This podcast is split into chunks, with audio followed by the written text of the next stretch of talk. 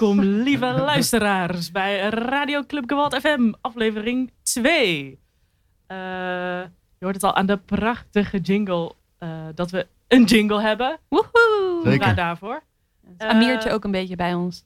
Ja, Amirtje heeft de jingle contest een beetje gewonnen. Ja, Robert, hoe Maar voelt niet, dat? Niet Ja, echt, toch? een beetje pijnlijk wel. Beetje pijnlijk. ja. Maar we hebben ook heel veel eh, bumpers die we Zeker. door de hele aflevering zoveel mogelijk eh, gaan eh, laten horen. Eh, vorige aflevering hebben we dus een jingle gekozen. En ehm, dat was eh één grote festiviteit natuurlijk. Ehm, willen we hem eigenlijk misschien nog een keer luisteren, de jingle? Eh, elke keer dat ik deze jingle kan luisteren, Ja, dan, dan, dan gelijk nog een ik keer het luisteren. aan. Als Ja, een oké. fantastische Ja, daar gaat. Goedenavond. We zijn blij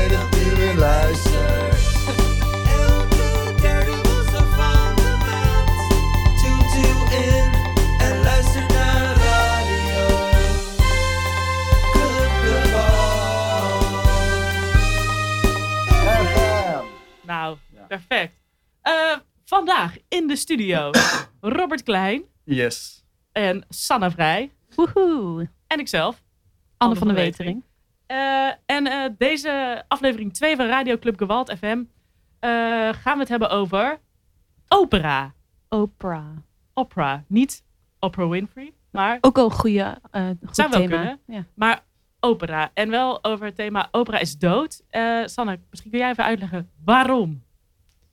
Eh, nou, we, we zijn natuurlijk, wij zijn Club Gewalt, we zijn een performance collectief. En eh, tijdens het festival van de Operadagen Rotterdam, dat is een operafestival in Rotterdam, gaan we eigenlijk tien dagen lang een eh, eigen mini-festivalletje organiseren in de foyer, de Erker foyer van Theater Rotterdam.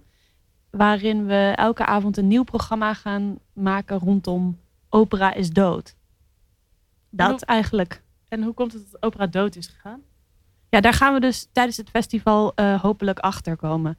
En ook eigenlijk ons opnieuw afvragen of het daadwerkelijk dood is. Of dat het opnieuw tot leven moet worden gewekt. En al deze zaken gaan we ons afvragen. We gaan elke avond iets anders doen. We gaan een avond eigenlijk eh, een futuristische avond houden. Waarbij we eh, terug in de tijd kijken. Als, als een soort Planet Earth gaan we Planet Opera organiseren. Waarbij we de, eigenlijk opera gaan analyseren als een documentaire. En we gaan opera verentertainen een avond lang. En we hebben allerlei ontzettend leuke dingen bedacht. Toch, Robert? Ja. Robert, Ja. waar moet jij aan denken als je bij opera? Ehm, ze heel hoog zingen. Drama, dood. Eh, grote orkesten. eh, allemaal oude mensen in een, eh, in een theaterzaal. Ook een beetje saai. Ook heel saai soms. En soms heel mooi. Maar ook een beetje dood wel, ja.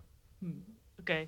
Eh, nou, we hebben dus bedacht, omdat we aan dit eh, project zijn begonnen voor, zonder dat we eigenlijk iets wisten van opera. Ja, was, we kwamen vrij snel met een stelling voordat we ons erin hadden verdiept.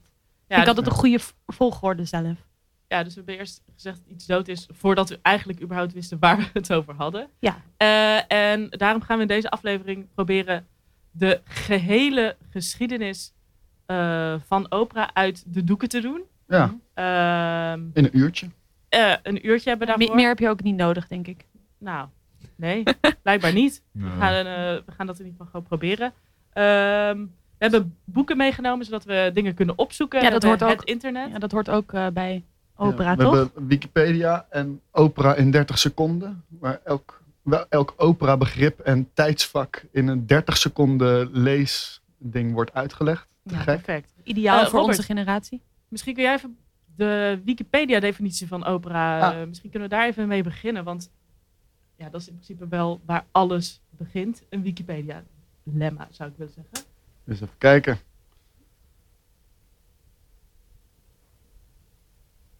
Slow radio. Slow radio. Opera is een vorm van muziektheater waarbij een overwegend gezongen toneelstuk in dichtmate met orkestbegeleiding wordt uitgebeeld.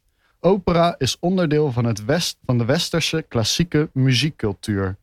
Er zijn ook niet-westerse vormen van muziektheater die vaak opera genoemd worden.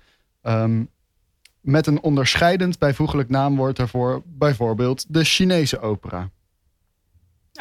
Perfect. Eh, dan zou ik willen voorstellen om naar het eh, prachtige lied Allemaal naar de opera van Frankie Boy te gaan. Zeker. Gaat-ie.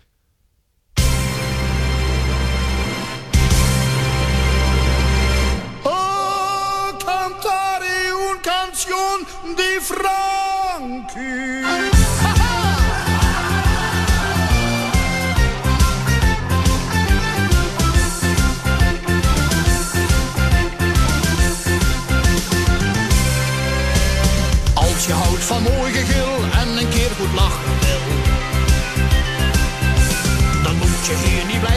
Maar met me naar de schouwburg gaan.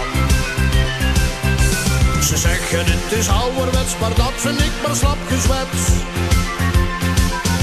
De allermooiste aria, die hoor je in de opera.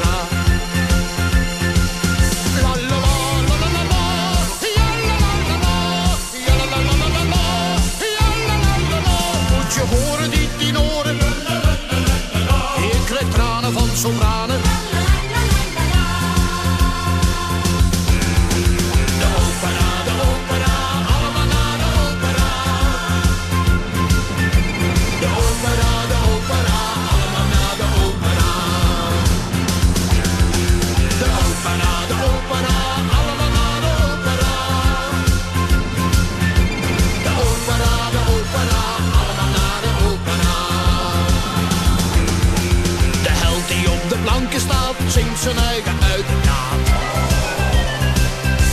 En Romeo en Julia vrij wat weg in de opera.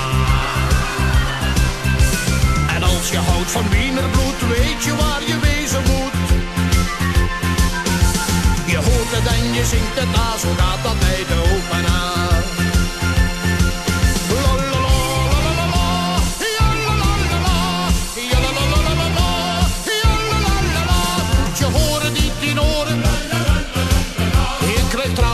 Sopranen.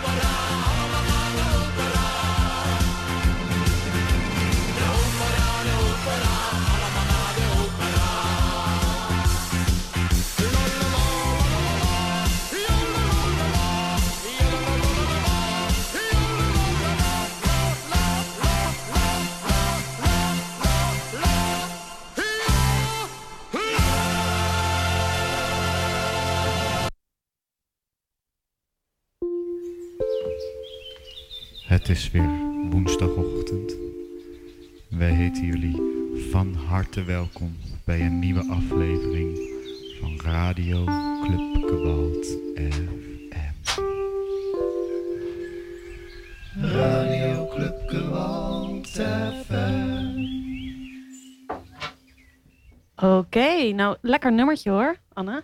Jij wilde graag vanaf het begin van dit project de hele tijd naar dit lied luisteren. Dus Ja, ik vond het een heel mooi eh, lied inderdaad. En, eh, we gaan nu naar het eh, tweede deel van de... eh, nee, het eerste deel van de opera-geschiedenis. zeker. Sanna. We beginnen bij het begin. Dus het, er gebeurt ondertussen een klein technisch iets om mij heen. Kan ik je ergens mee helpen?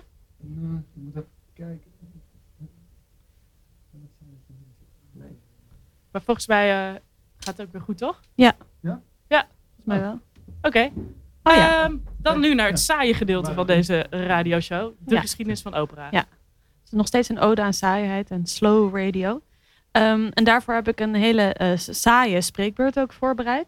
voor de eerste twee delen van de geschiedenis eh, van de opera die mij zijn toegewezen door deze fantastische twee mensen. Eh, ik begin namelijk bij het begin. En daarvoor ga ik eerst een stukje voorlezen. Ja, toch? Belangrijk. Ja, dat. Ja, we- ja. Eh, en eh, daarvoor ga ik eigenlijk een, eh, een stuk voorlezen uit een boek Opera in 30 seconden. Nou, dan zullen we eens even timen of je dat gaat lukken. Ja, dat ga ik, eh, ga ik, gaan we zien, hè? Oké. In het 16e eeuwse Italië werden spektakel, dansmuziek, solozang en het madrigaal samengebracht in het intermedio. Een voorstelling aan het hof rondom een toneelstuk. Het verschil met opera was simpel. In de opera werd het drama gezongen in muziek die de spraak imiteerde, het recitatief, bij een simpele baslijn met geïmproviseerde harmonieën op luid, toetsinstrument, harp of viool en werden de verhalen, ontleend aan de klassieke mythologie, anders verteld. In Monteverdi's L'Orfeo in 1607 horen we het eerst bewaarde voorbeeld van muziek die personage, stemming en plaats weergeeft. Vanuit het recitatief vond de arioso-gedeelte een stem, in contrapunt verweven met baslijnen uit gevestigde instrumentale vormen.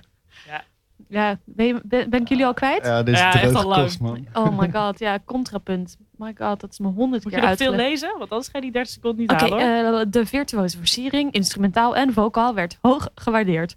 Vanuit de intonatie van verschillende talen ontwikkelden zich nationale stijlen. In de theaters van Venetië bouwde Cavalli voort op Monteverdi's erfgoed met werk als Il Giasone in 1649. Stefani bracht de Venetiaanse opera in de jaren 1670 noordwaarts mee naar München, terwijl de in Italië geboren Lully een Franse vorm creëerde met zijn tragédie lyrique. In de tijd dat Karel II, in ballingschap opgegroeid in Frankrijk, koning van Engeland was, ontstonden twee vroege Engelse opera's. Blow's Venus and Adonis in 1683 en Purcell's Dido in Aeneas 1689. Oké, Ja. ik heb wel een paar vragen hoor. Oh, oké, ja, kom maar op. Eh, ik heb vooral heel veel woorden gehoord die ik niet kende. Zoals Oké. bijvoorbeeld madrigaal. Oh, ga je dat opzoeken? Ja, ja, of, of iemand moet gewoon weten wat het is. Ja, nee, ik weet niet wat dat is. Eh, een madrigaal. Is volgens mij een soort lied. Het is ook niet het meest spannende, denk ik. Een seculiere overwegende vocale muzieksvorm in de 14e eeuw ontstaan in Noord-Italië. De madrigaal-term komt waarschijnlijk van het Latijnse matricale, toen dus Italiaans in plaats van Latijn. Perfect. Perfect. En een eh, eh, contrapunt. Ja, wat, ja dat is een soort... Ja, ik, ja jij, jij hebt ook muziekgeschiedenis gehad op het conservatorium, Robert. Ja, wat is contrapunt? Eh, kut. Hoe heet, hoe heet onze leraar ook weer? Eh, Erik Visser was Erik dat. Visser, sorry Erik. Ik ben alles vergeten. Ja, ik, eh, nee, contrapunt was ook echt een soort heel saai technisch ding. Iets met een... Onder contrapunt wordt in de muziektheorie het verband tussen twee of meer onafhankelijke stemmen verstaan. De term komt uit het Latijn van punctus contra punctum, noot tegen noot. Ja, zie je, ik weet nu al niet meer wat dit betekent. Ja, ook eigenlijk iets wat we zouden moeten horen, toch? Eh, hebben, hebben we fragmenten van... eh, Eh, zeker. Ja, ik wil nog één, één ding, heel, of de twee termen die super belangrijk zijn in de opera nog even toelichten zelf. mhm. Ik noemde al het recitatief. Nou, het recitatief ehm, is eigenlijk. recitatieven zijn stukken muziek waarin het verhaal met name wordt ver- verteld en informatie wordt onthuld. En dit gebeurt op een normaal conversatietempo, waarbij muzikale begeleiding licht gepuncteerd is en woorden goed verstaanbaar. En dit is heel belangrijk, want eh, dit recitatief is dus heel belangrijk ten opzichte van de aria's, waarmee het wordt afgewisseld. En de aria's zijn muzikale stukken waar de climax van de scène plaatsvindt. En de hoogtepunt van de emotie ook eh, eh, gebeurt. Waarin de handeling wordt bevroren. En vooral in teken staat van het exposé van de zangkunst. Dus dat Precies. zijn belangrijke dingen waar opera's uit zijn opgebouwd. Heb ik dus geleerd uit dit boek. Het recitatief is een beetje een soort het verhaal... Zorgen dat het verhaal verteld wordt. Ja, En in een aria wordt de emotie... eh, En dan ga je even stilstaan. Ja. Wordt de tijd even stilgezet. zoals, Oké. eh, ja. zoals zeg maar dat stukje waar dan bijvoorbeeld in eh, een musical Pia Douwes heel erg hoog gaat zingen, dat is dan de aria. Een beetje, maar dan in de opera. Precies. Eh. Moeten we door naar een fragmentje? Ja, oh ja, zeker. Ik heb dus twee eh, fragmenten meegenomen om een voorbeeld te geven, zodat we even goed kunnen horen hoe dat klinkt. Ehm, het eerste fragment dat ik heb meegenomen is uit eh, L'Orfeo van Monteverdi. Eh, en dat is een opera over Orpheus, een erg populair onderwerp voor opera's overigens. En ja, wij hebben zelfs ook eens meerdere Orfe gespeeld volgens mij. Zeker. Ehm, en eh, dat daar gaat eigenlijk over eh, een, eh, het huwelijk tussen Orfeo en Eurydice. Maar op de bruiloft wordt Eurydice gebeten door een slang en overlijdt zij. En Orfeo, die ook nog wel bekend staat als de beste zanger van de hele wereld, die gaat dan naar de onderwereld om Eurydice toch terug te halen. Het is een heel, ja, eigenlijk een super mooi verhaal overigens. Dat En is ik- met dat hij niet om mag kijken, toch? Ja, precies. Ja, hij, hij mag niet om. Dus uiteindelijk heeft hij er, maar mag hij niet omkijken. En dan kijkt hij wel om en dan verliest hij er alsnog. Ja. Oh, zo super zielig. Maar eh, ik heb een fragment meegenomen, Rosa del Ciel. En dat is eigenlijk in best wel het begin van de opera. En dit is eh, een helft van een liefdeslied tussen eh, Orfeo en Eurydice. Eh, ja, Robert, hit it. Rosa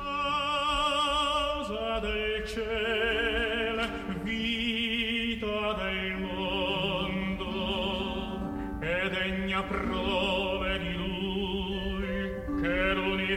aver sua frena sole che il tutto circondi e il tutto miri dai gli stellanti giri dimmi vedesti mai di me più lieto e fortunato?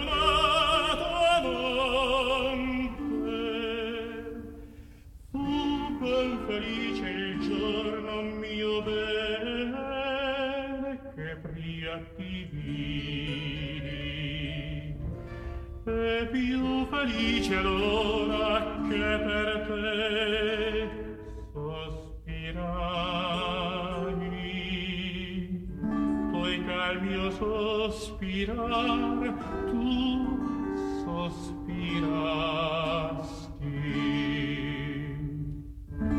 Felicissimo il punto che la candida mano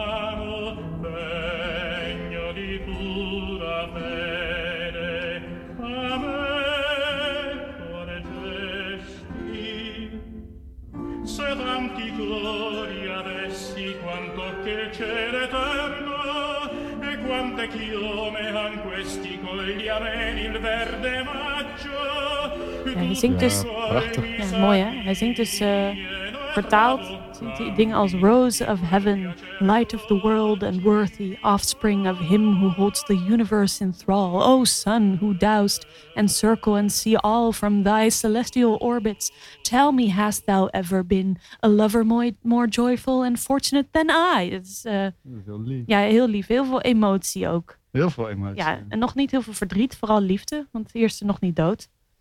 Daarna, Ja, weet ik heb straks ook nog een fragmentje van een eh, eh, Orfeo van Gluck. Ja, leuk. eh, wat is het? 150 jaar later. En dan is ze de, heeft hij net omgekeken, dus dan baalt hij echt als een Ja. stekker. Oh ja, goed. Ja, goed. Ja, moet je ook niet doen, toch? Zo van die, ja. Ik snap dat sowieso nooit aan die Griekse verhalen. Dat ze dan, dan weten ze allemaal hoe machtig die goden zijn. En dan gaan ze er telkens tegenin. Dat zo, gewoon elke keer een beetje zo, ja. Niet zo snugger. Eh, maar wat heb je nog Ja. meer voor Ehm, ons? ik heb dus ook nog een stukje meegenomen uit eh, Dido en Aeneas van Purcell. ehm, een Engelse of Britse opera. En dan niet, niet min- niets minder dan het bekende Dido's Lament. Ah. Dus is, een- Classic. een classic, echt een classic. Dus veel mensen zullen het misschien wel kennen. En dit is eigenlijk het moment. ehm, dus Dido is een koningin van Carthago en Aeneas, een, eigenlijk een, ja, een Trojaanse held, zeg ik dat goed?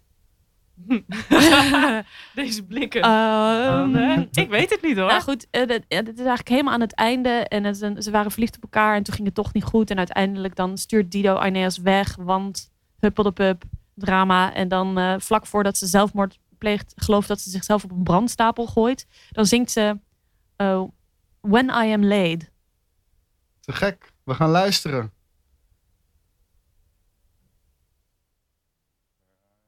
Bijna luisteren.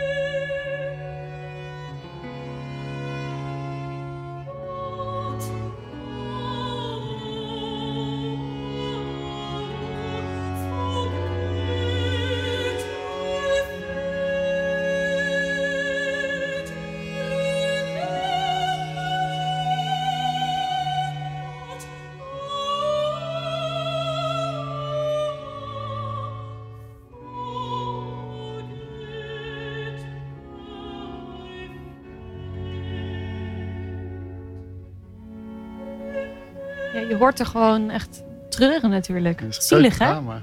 Ja, het dit is wel echt een beauty Ja. van een nummertje. blijft wel echt heel erg mooi, vind ik ook. Ik, vind het, ik kan dit ook nog wel verstaan. Dat vind ik ook wel, wel toch handig. Dat vind ik vaak lastig met opera. Dat, je er, dat het moeilijk is om eh, Italiaans te verstaan. Italiaans te verstaan. Ligt Ja, ook aan ja. mij natuurlijk. Ja, het is natuurlijk ook super onnatuurlijk stemgeluid. Dat komt er ook nog bij. Ja. En, eh, eh, hoe komt dat eigenlijk, dat ze zo, zo zingen, Sanna? Weet jij dat? Eh, Toevallig. ah, oh my god, eh, geen idee. Nee, ja, ik weet wel op een gegeven moment dat ze zo wat later, in, eh, volgens mij is dat een beetje zo rond de barok ontstaan, waar ik het zo meteen ook even over ga hebben, is dat, ze, ehm, dat die orkesten steeds groter werden. En dan moesten ze ook steeds harder kunnen zingen. En daar kwam de ook Zonder versterking. over zonder het orkest versterking heen. over het orkest heen. Ja, dus hier is de Maar met begeleiding nog vrij. symboltje was dat nog niet nodig. Nee, Dat is ook wel precies. best wel gek. Dus dat snap ik niet helemaal. Ja, dat eh, is ook wel best wel gek. ja. Dus bijvoorbeeld, Vrij onnatuurlijk, toch? ja, is wel leuk. Dus als jij een nummertje zingt, Robert, in jouw muziek, dan is het eh, wel heel natuurlijk. Ja, zeker. Dan dat komt het van het hart. Dat ge- gemompel uit het hart is het dan. Ja, maar ja is het niet ook een, een soort emotie die er daardoor misschien in komt of zo? Dat dat het idee is? De poging? Nou, ik vind dat een eh, heel, eh, dat zou heel goed kunnen. Ja, vind ik een mooie speculatie. En dat is wat we hier doen. Oké, zal ik het doorpakken? Ja, Want eh, ja, de- mijn tijd, door. eh, ik ben natuurlijk al helemaal over mijn tijd heen. Ehm, de barok. Dus we hebben het nu over ongeveer 1650 tot 1750. En dan heb ik weer een heel informatief tekstje voor jullie. Het Venetiaanse model, waarin drama en carnavaleske schunnigheden samengingen, werd langzaam vervangen door twee vormen: de opera, opera seria en opera buffa. De laatste kwam in Napels op vanaf de jaren 1660 en vermengde zich met de volksmuziek en het lokale dialect. De verdeling tussen recitatief en aria werd geformaliseerd, waarbij de aria een verlengde werd van de expressie van een personage. De cultus van de operaster ontstond. Sommige artiesten eisten een hoge beloning en muziek waarin hun zangtechniek en uitdrukkingskracht tot hun recht kwamen. In Engeland werd de opera seria begin 18e eeuw populair. Hendel en zijn rivalen wedijverden om de gunst van het publiek met verhalen over vorsten en vorstinnen, voordat Londen bezweek voor de volkscharmes van de balladeopera, zoals Gay's Beggars Opera in 1728. In Wenen beleefde Vivaldi kortstondig succes, maar hij stierf in armoede. De pasticcio, toneel met muziek van meerdere componisten, breidde zich uit. In Duitsland schreef Telemann meertalige opera's met aria's in het Duits en Frans. Charpentier verfijnde de tragedie voor de volkscharmes van de balladeopera. Hè? Robert. Eh, eh, Charpentier verfijnde de tragedie lyrique in Médée, eh, 1693. Maar Rameau bracht een revolutie in de Franse opera teweeg met Hippolyte et Ariche, 1733. En de dissonantie van het Trio de Parc Ballet, eh, ballet integraal sinds de tijd van Lodewijk XIV bleef centraal staan in de stijl. Ja. Gewoon heel, heel veel info. Er gebeurde gewoon heel veel in de barok, denk ik. Zoiets. Ja. En dus opera's werden gemaakt voor het hof eigenlijk. Dat is wat, Eh, het enige wat ik eigenlijk heb onthouden. ja, nee, ja het is, eh, wat er vooral belangrijk is, dat er verschillende soorten opera's ontstonden, denk ik. En eh, je had één belangrijke, dat is opera seria. Die werd in eerste instantie gemaakt ter vermaak van het hof. En dat waren dan met heroïsche figuren en ehm, verhalen die vaak uit de Grieks-Romeinse mythologie of de geschiedenis kwamen. En die bestonden ook heel helder uit drie delen. En, en dan eerst een redelijk langzaam stuk, dan een snel stuk, dan een redelijk langzaam stuk. Eh, hier waren ook nog niet echt duetten, ensembles of koren te horen. En dat vaak een slechte op, eh, afloop. ja, dat is belangrijk. Dat En- veranderde later En namelijk. was het dan dus eh, was het dan het hof die de opdracht gaf om de opera te maken? Ja, ik geloof het wel. Nee, weet ik niet. Misschien. Ja, nee, ik weet het niet. Nee, geen idee. ik eh, ben een slechte expert. En wat had je nog meer? De, Eh, de, opera buffa stond er tegenover. buffa. En dat was? Nou ja, de opera buffa was een veel lichtere vorm. En die, was, eh, die, kwam, die, die ontstond eigenlijk omdat tussen die drie delen van de opera seria... zaten dan in de pauzes zaten eigenlijk altijd een ander verhaal. waren intermezzo's. En die waren juist veel volkser en veel meer comedy. Ah, en ja. dat werd op een gegeven moment op, op zichzelf staand stuk. En dat was eigenlijk veel meer voor het volk ook bedoeld. Veel meer Een soort humor. gezellig pauzevermaak. Ja, dus dat was, waren vaak comedies. En, eh, en dat waren vaak eh, laagdrempelige eh, verhalen over gewone mensen. Nou, zullen we daar maar eens wat van gaan luisteren? Eh, nou, ik heb twee fragmenten meegenomen. Wel alle twee toch echt wel drama's. Geen Dus, opera buffa. dus meer seria, opera seria. Ja. Eh, het eerste wat ik heb meegenomen is eh Médée van Charpentier. En dan heb ik een stukje meegenomen Je vois le don fatal. En een kleine introductie is dat Medea in het verhaal jaloers is op prinses Kreuze. Omdat zij haar, haar op haar man jaagt. En roept demonen uit de onderwereld op om een giftige jurk voor haar te maken. Kikken.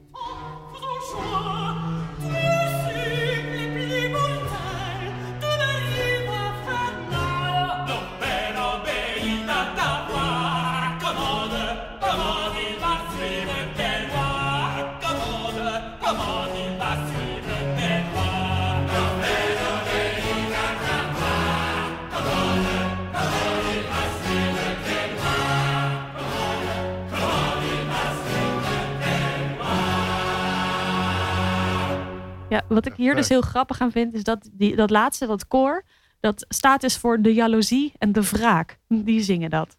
Ja, Het- goed. En dit, Ja. dit Wel, lijkt nog veel expressiever dan daarvoor. Klopt dat?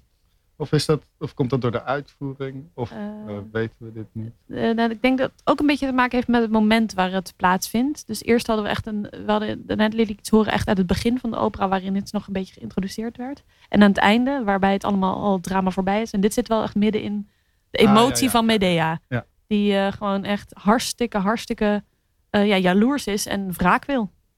Dat- En, eh, eh, Ja, en dat is geen volgende... vrolijk type. Ja, dat was, uh, Medea is niet echt meer te niet- lachen. niet echt Nee. gezellig, hè? Nee.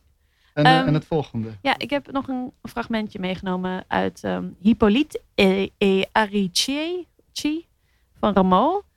En eh, dit, is, eh, dit verhaal gaat over ja, echt mega veel personages die het allemaal of met elkaar willen doen, of wraak willen nemen, of vreemd gaan. En over een stiefmoeder die ehm, eigenlijk eh, seksuele gevoelens heeft voor haar stiefzoon en et cetera. Maar uiteindelijk gaat dit stukje gaat over Pluto die boos is op Theseus.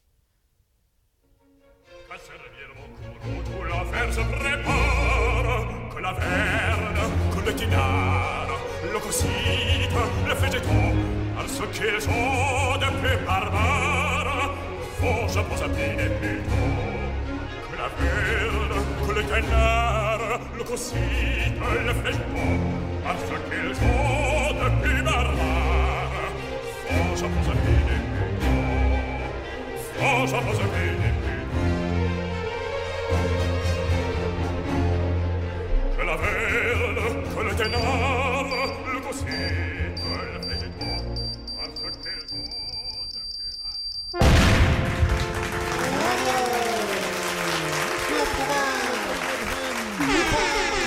dames en heren, na al die opera is het wel even tijd voor wat anders. Eh, dus we hebben even een lekker nummertje voor eh, tussendoor.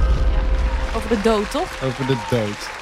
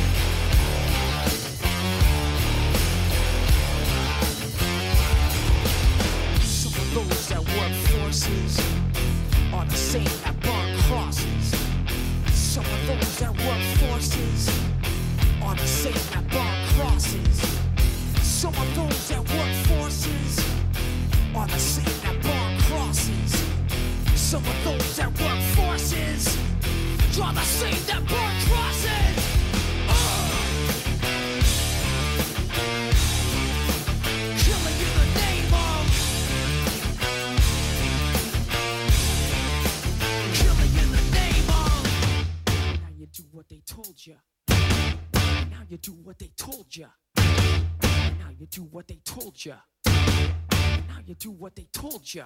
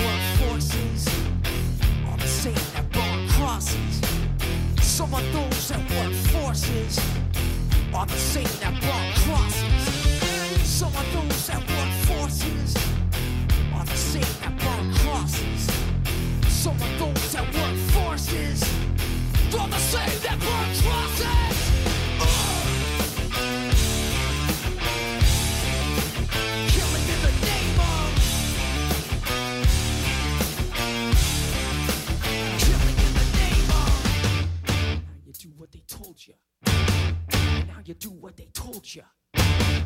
Now you do what they told you. Now you do what they told you.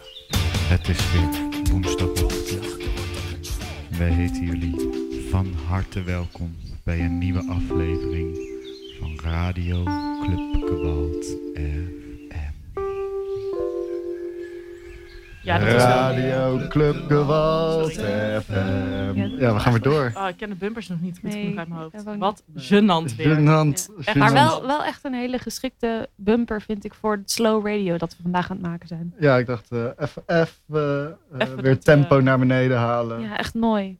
Ja, ook want, echt veel, ehm, meer, veel bewuster, veel duurzamer. Maar het, eh, het tempo ligt eigenlijk toch wel ook hoog. Ja, Ja, Ja, we hebben al 200 jaar Want we hebben al behandeld.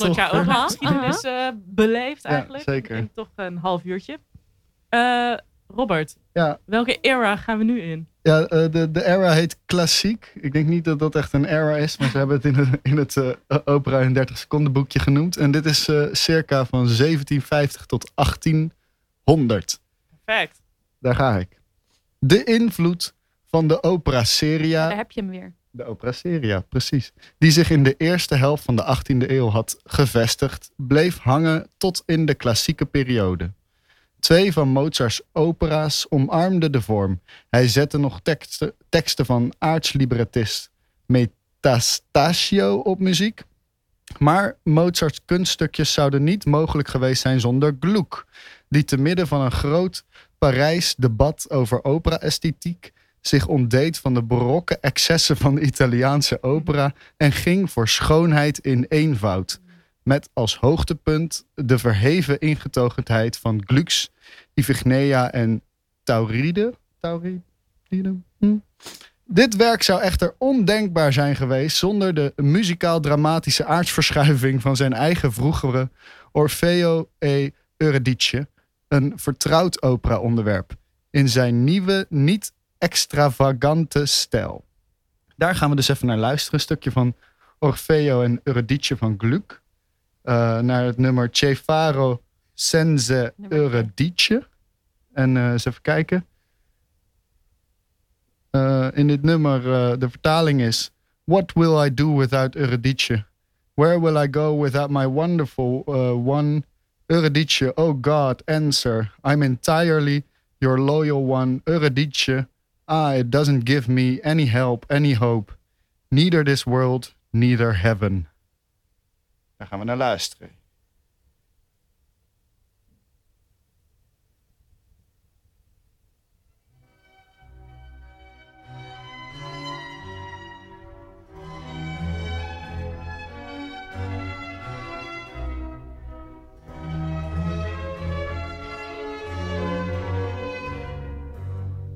Father, since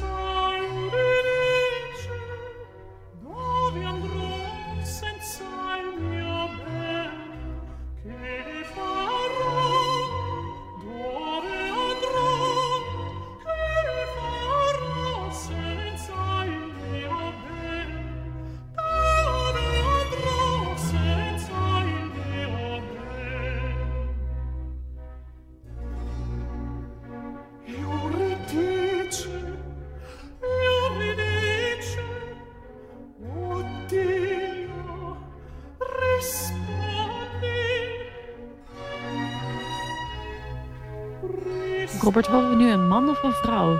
Ja, dit is dus een, een, een man die gewoon heel hoog zingt. Het is een countertenor, denk ik. En weet, eh, Wat is een countertenor? ja, de hele hoge mannenstem. En dat komt voort een beetje uit de castraten, toch? We hebben het daarover gehad in onze eigen spreekbeurtsessies. Ja, zie je. Het blijft zo Ja, weinig hangen. Gertie heeft daar eh, iets over verteld. Dus, de hoge mannenstemmen werden gezongen door castraten. En wat waren castraten dan? Eh, ja, eh, guys waarvan de ballen waren afgehakt. Voor de Eh, puberteit. zodat ze, ja, voor de puberteit, zodat ze niet de baard in de keel kregen. En eh, dat eh, de vrouwenstemmen konden zingen. En op een gegeven moment is dat verboden ergens. Zo. Zodat ze maar geen vrouwen op Ja, is Ja, ik denk, ik denk Wel dat... eh, echt ingewikkelde vorm van seksisme ook. ja, ook, wel, ja, Zeer ingewikkeld. Voor Ja. niemand leuk. Nee, voor niemand zeggen. leuk, nee. nee. Eh, nou, we- dan zijn we ook gelijk gestopt. Wat, eh, wat vonden jullie van eh, dit fragment? Ja, ik... Ja, eh, Dit was van Gluck, toch? Vind je dit mooi of vind je dit saai of vind je dit lelijk? Of heb je Ja, ik word zelf altijd vrij onrustig van klaversymbals. ah, Ah. Eh, dus daar, dat, dat wil me nog wel eens parten spelen bij opera. voor altijd, elke keer dat jij naar de opera gaat. Ja, ja elke keer weer. Eh, nee, maar verder, ja, ik vraag me overal zo af, hoe komt het toch dat dat verhaal van Orfeo en Eurydice dus zo miljard, miljoen keer eh, gebruikt is? Dat, is- ehm, Het is ook gewoon wel echt een mooi verhaal, toch? ja, ja. En dus, wat ik wel weet is, eh, het verhaal van Orfeo is een verhaal uit de Metamorfose van Ovidius, geloof ik. Ehm, en dat zijn een serie belangrijke verhalen die ehm, gaan over verandering. Zeg ik dit goed? Robert, help me uit. Eh, dit geloof ik. Ja, ja, ja. Nee, dat klopt. Maar, eh, Maar maar wat ik- ja, dat klopt. Nou, maar wat ik daarover wilde zeggen is dat eh, er heel veel gelijkenissen zijn tussen die verhalen en bepaalde bijbelse verhalen. Dus het verhaal van eh, Lot is, eh, lijkt op het verhaal van Orfeo. Dus er zit daar ook een link tussen. Dus het wordt ook gewoon breed gedragen in de cultuur. En er zijn geloof ik zel- zelfs weer in, de, in, in andere culturen verhalen die daar weer op lijken en zo. Ook met de zondevloed. Waarom? Ja, ik weet niet waarom ik dit vertel. Ik weet ook niet waarom ik dit weet. Het is wel leuk om je nog even, nog even stil te blijven, zodat jij door gaat praten en kijken waar we dan uitkomen. Ja, als wij gewoon lang niks zeggen, blijft ze dan over het algemeen wel praten. En Ja, dat is wel meestal maken zo. tussen eh, dingen. Maar we gaan door. Eh, eh, ehm, wat trouwens leuk is, want je haat klaversymbol, eh, die, die eh, gaat steeds meer weg eigenlijk. Wordt steeds orkestraler. Yes. Ehm, oh ja, hier. Maar het tijdperk was niet alleen serieus. En Mozart deed van zich horen in de opera Buffa. Buffa. Met name in samenwerking met Da Ponte. En Da Ponte was een, een librettist. En daar gaan we ook gelijk even naar luisteren. Naar een echte classic. eh, La Noche di Figaro. En dit nummer Ik heet... vind het zo heerlijk hoe je alles gewoon met een Haagse accent uitspreekt. eh, ja. La Noche de Figaro. Eh, hoe zeg je dit, Sanne? eh voi sape, nee, voi che sapete of zo? Geen idee. Great. Eh, zal ik eens even kijken waar dat over gaat? Zet het dan ondertussen vast even aan. Ik zet het ondertussen even aan. Daar gaat hij. Ah ja, deze. Ja, dit ken ik wel. Oh.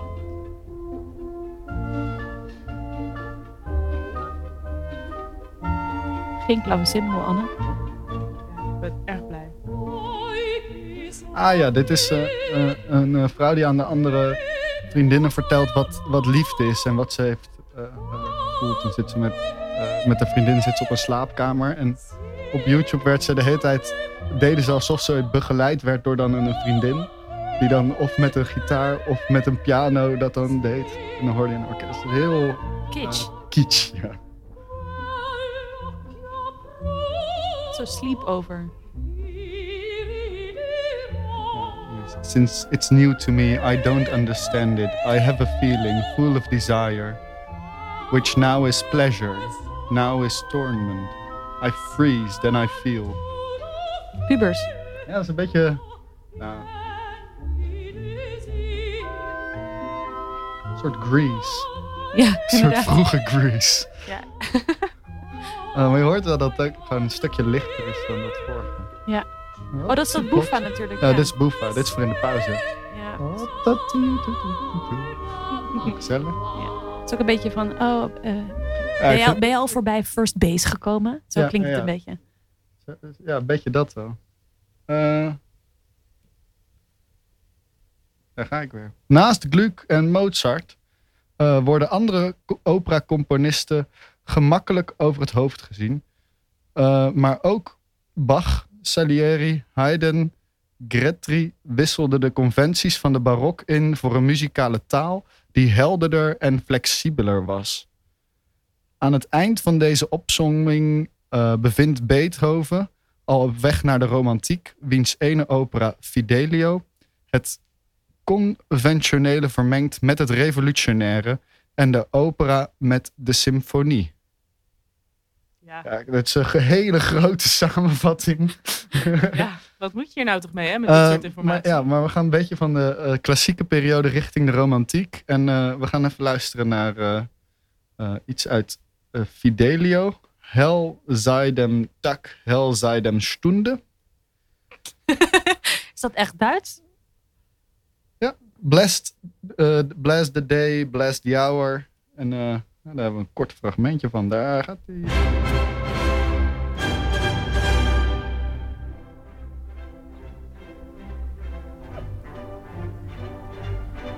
Dus dit is chill voor jou. Klavecimbal weg. Je komt het orkest erbij. Ik moet nu ook echt meer denken aan André Rieu. Chill. Daar zal eh Beethoven. Beethoven. Beethoven. Dit is de finale van, eh van eh, Fidelio. We Oh ja.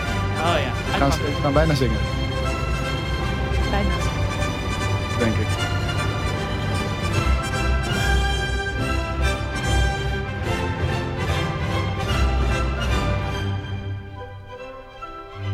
Kijken waar, waar, dit dan, eh, waar Fidelio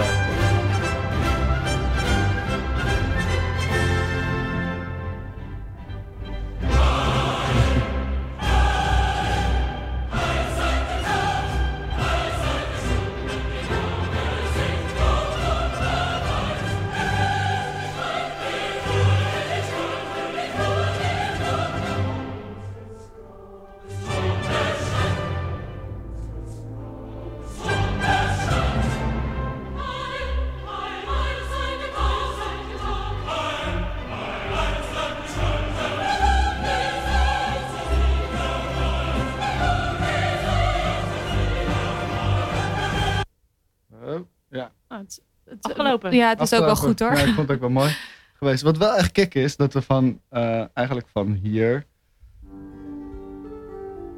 Ja. al naar hier zijn. Ja. Ja, En dat is in, wel eh, een verschilletje. ja, Het is echt meer kermis. ja, meer kermis. Ik Maar we zou gaan. zeggen, willen zeggen meer gevoel. Meer Echt waar? emotie. Ja, ja, ja, ja. En dat, eh, dat is leuk dat je dat zegt, want we zijn eh, bij de romantiek aangekomen van circa 1800 tot 1850. Daar wordt veel gevoeld. Ja, eh, ik ga hier even snel doorheen. In de 19e eeuw eh, concurreerden nationale stijlen om het operalandschap te bepalen. Eh, Beethovens invloed reikte verder dan het erfgoed van zijn enige opera, Fidelio, zou doen vermoeden. Vooral onder Duitse componisten. Weber, voortbouwend op het volkse nationalisme van de romantische beweging, leefde zich uit in natuurlijke en bovennatuurlijke werelden en creëerde een rijk georchestreerde operataal. Perfect. Nou, Ehm, nou, we gaan even luisteren naar eh, eh, Der Freischutz van Weber. En eh, eh, eh, wat hier wel cool aan is, eh, is dat, eh, daar heb ik ook een zinnetje over gecontrokopieerd. De schoonheid en grootsheid van de natuur en de geheimzinnige machten van het kwaad. De verbeeldingskracht werd niet beteugeld, zodat het beste en het slechtste naar boven kwam.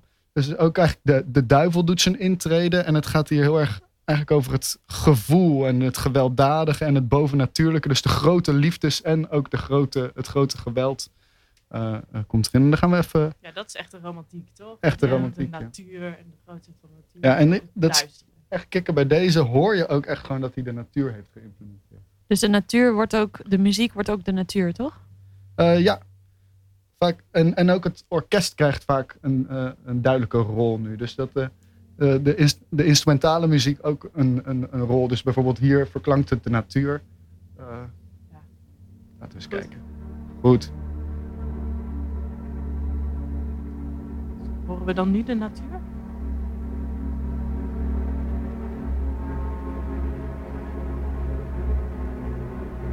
Ja, en wat ook leuk om te zeggen is, in, in dit stukje heb je voor het eerst eh, dat ik het hoorde gesproken tekst. En de duivel in dit stuk die spreekt alleen maar. Dus de rest die zingt en de duivel die spreekt alleen maar terug. Is wel vet. Hoe daar gaan ze.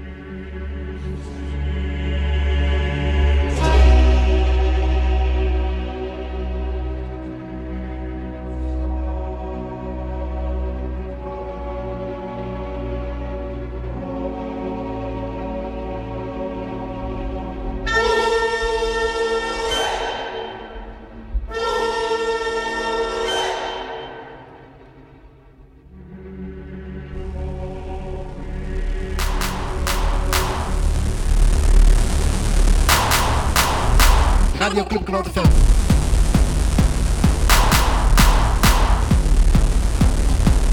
Radio Club Geweld FM.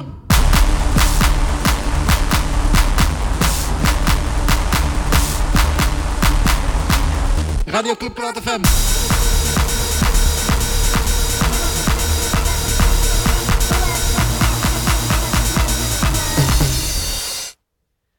Ja, je bent weer terug bij Radio Club Gewalt FM. Eh, we zijn inmiddels in de romantiek beland. Eh, en we gaan ook meteen weer weg uit de romantiek. Eigenlijk door, want jij gaat eh, door met Wagner of niet? We gaan wat van Wagner. Dat Ja, eh, eh, dus we gaan door naar het einde van de 19e eeuw. Ehm, en ehm, ja, Wagner is eh, een van de belangrijke componisten dan. eh, en Verdi. Maar we gaan het eerst hebben over Wagner. Want over Verdi weet ik eigenlijk helemaal niks. Maar daar kunnen we wel over speculeren, toch? Ja, ja, ja. Eh, en Wagner eh, is ehm, ja, vooral bekend van eh, ja, zijn eh, maniacale manier van werken. En eh, misschien kunnen we gewoon eerst even luisteren naar een stukje uit eh The Ring Cycle. om mee te beginnen. En dan gaan we het daarna hebben over leidmotieven. kikken.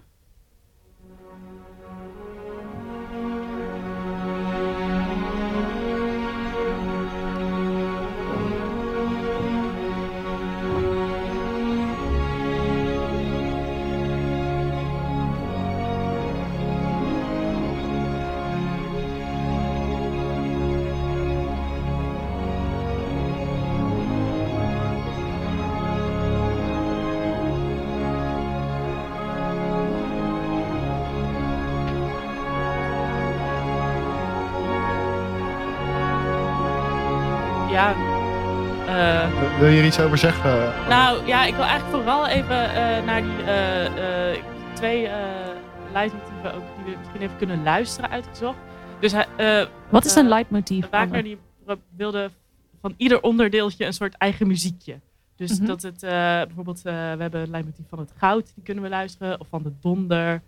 Eh, en dus hij bedacht voor alles een soort jingle. Dat is eigenlijk een soort voortzetting van, van waar we het net al over hadden. Dat, het, dat het, de, de, de instrumentale muziek ook echt een duidelijke functie kreeg. Ja, dus, dus waar, waar inderdaad eerst eh, nog de natuur werd, eh, werd muziek, Ja. wordt nu echt elk blad en heeft- elke boom in de natuur wordt muziek. Ja. Dus eh, zeg maar, ik ben, want jij deed ook een spreekbeurt over Wagner, toch? Dat was jij. Ja, ik werd Nee, toen ook een over- beetje over bang van hem. Ja, ja, Want ja. het, echt, een, echt een beetje een enge, maniacale man die veel te nauwkeurig te werk Het ging. is een beetje neurotisch. Ja. Ik wel dat ik me... Ja, je hebt zo'n een playlist op YouTube en dan eh, worden alle eh, leidmotiefjes van, van echt, dat zijn, in een stuk zijn dat er 50 of zo in één opera en dat wordt dan allemaal zo, dit is dat, dit is dat, dit is dat, dit is Ja. dat. Kun je die van The Ring een, eens... eh, Dus even kijken, dit is De Ring.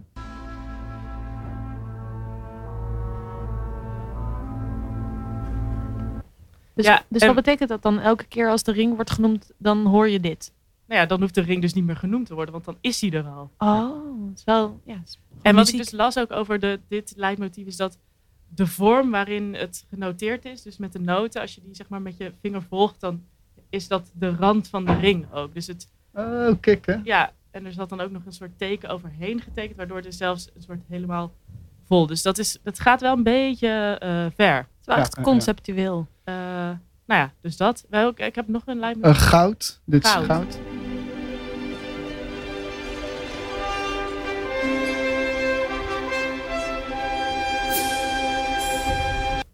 ja, nou, Ja. Dat goud. is goud. Goud. Ik hoor het als het over goud gaat, dan wordt, wordt dit muzikale stukje eh, Ja. gebruikt. Op allerlei manieren wordt het dan ingebouwd. Ja, en die, die ringtrilogie, dat zijn dus drie stukken. En eh, ja, toch het makkelijkste uitleggen als een soort Lord of the Rings. Mhm. Eh, ja, daar gaat het over. En hij was, die Wagner was ook echt wel een, een, eh, eh, een maniac. Die wilde alles. eh, de- de- dat, eh, eh, toen kwam de term het Gesamtkunstwerk. En hij wilde eigenlijk alles be- beheersen. De, wat er gezegd werd, hoe dat op muziek stond. En wat je dan zag, dat, dat eh, eh, beheerste hij allemaal in zijn eentje. Het is eigenlijk een soort belangrijk iemand in de, de interdisciplinaire kunst, zou ik kunnen zeggen. Ja, dat kun je wel zeggen. Goed Ja, ja, gezegd, wel. Eigenlijk Ja, een voorloper van hybride werken. zo. Ja. ja, zeker. Eh, verder, eh, wat eh, eind 19e eeuw be- best wel belangrijk werd, is de nationale opera's. Dus opera werd ook een soort echt een middel om een nationale identiteit mee uit te dragen. Dus er ontstond een opera in Spanje en in Polen en in Tsjechië. En daar vond ik eh, een componist die ik wel echt leuk vond, omdat hij, nou ja, Die wel leuk zo- vond. Die, nou, gewoon omdat hij in één keer verhalen ging vertellen die best wel fantasierijk klonken. Dat vond ik leuk. Dus eh, er was bijvoorbeeld een opera over een vosje. Ah ja. En eh, hij heeft ook een opera gemaakt die heet de Macropolis Case, ja, maar dan in Tsjechisch. En dat gaat over een vrouw die iedere 70 jaar van uiterlijk verandert omdat ze een levenselixer heeft gedronken. En op het moment dat de opera speelt is ze al iets van eh 337 jaar oud. En eh, nou, dat vond ik wel een, eh, Sci-fi. ja, een soort sci-fi opera waarvan Dat Chill. wat ik wel leuk vond. Eh, misschien kunnen we daar ook een stukje van luisteren. Dit is de op- eh, componist Janacek trouwens.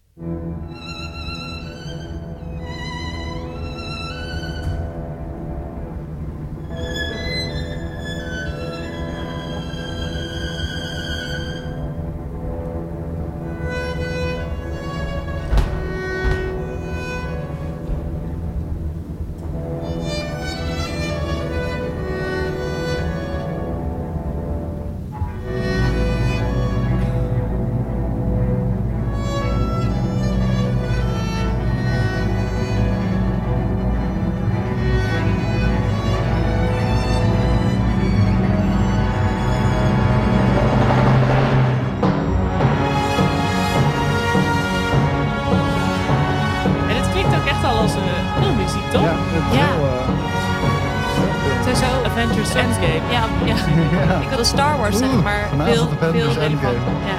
Ja. Eh, ja, ze zullen straks zo gaan zingen. eh, maar daar hebben we geen tijd voor. Want we hebben nog maar drie minuten. Eh, En we zijn pas aan het eind van de 9 20ste eeuw. We zijn pas aan het begin van de 20e eeuw. Dus Ja. het is niet gelukt, denk ik. Oké. ik, Behalve ik als we weet nu niet of nog heel is. snel allemaal namen gaan noemen van componisten uit de 20e eeuw. Bijvoorbeeld eh Philip Glass, Rai.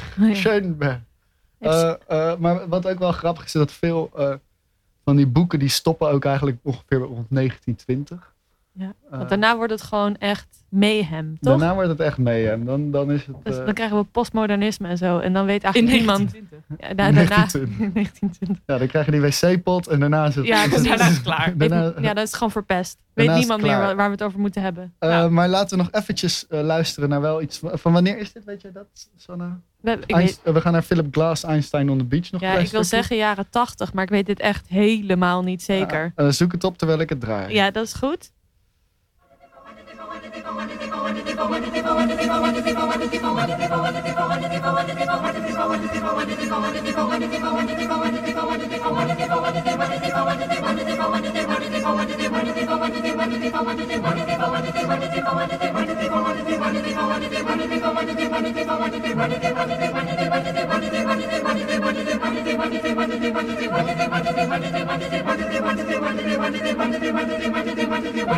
Hm?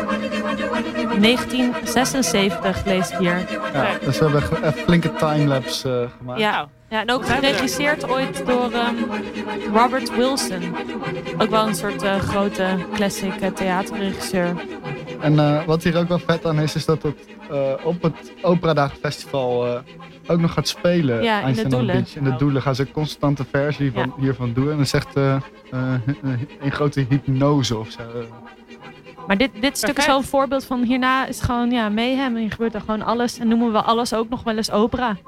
Wij maken schijnbaar ook opera's, dat zeggen we zelf. Eh, En we gaan het hierover hebben tijdens de operadagen. Ehm in onze voorstelling of onze mini Ja, schaduwfestival. even is- snel nog een afsluiting, want we hebben nog één minuut. Ja, dat- ik ben nu we- aan het zeggen wanneer we af- spelen. Oh ja, goed. goed. Eh, we spelen namelijk tijdens de operadagen spelen we tien dagen lang. eh, van wanneer tot wanneer is dat? Weet iemand dat? Ja, 18 tot 23. 18 Nee, dat tot- is niet waar. Maar wel zoiets. eh, De eerste Van- is de 18e. vanaf 18 eh, mei spelen we in de erker van eh, de Theater Rotterdam. Spelen we Club Gewalt X Opera. Opera is dood. Elke avond ander programma. Dus je kunt ook elke avond komen. Het kost maar 5 euro. En eh, we beginnen meestal rond een uur of tien. Maar hou het in de gaten. Je kunt kaartjes kopen op Opera Rotterdam. Goed, Sanna. Heel goed. Goed, ja. Jingle. Jingle.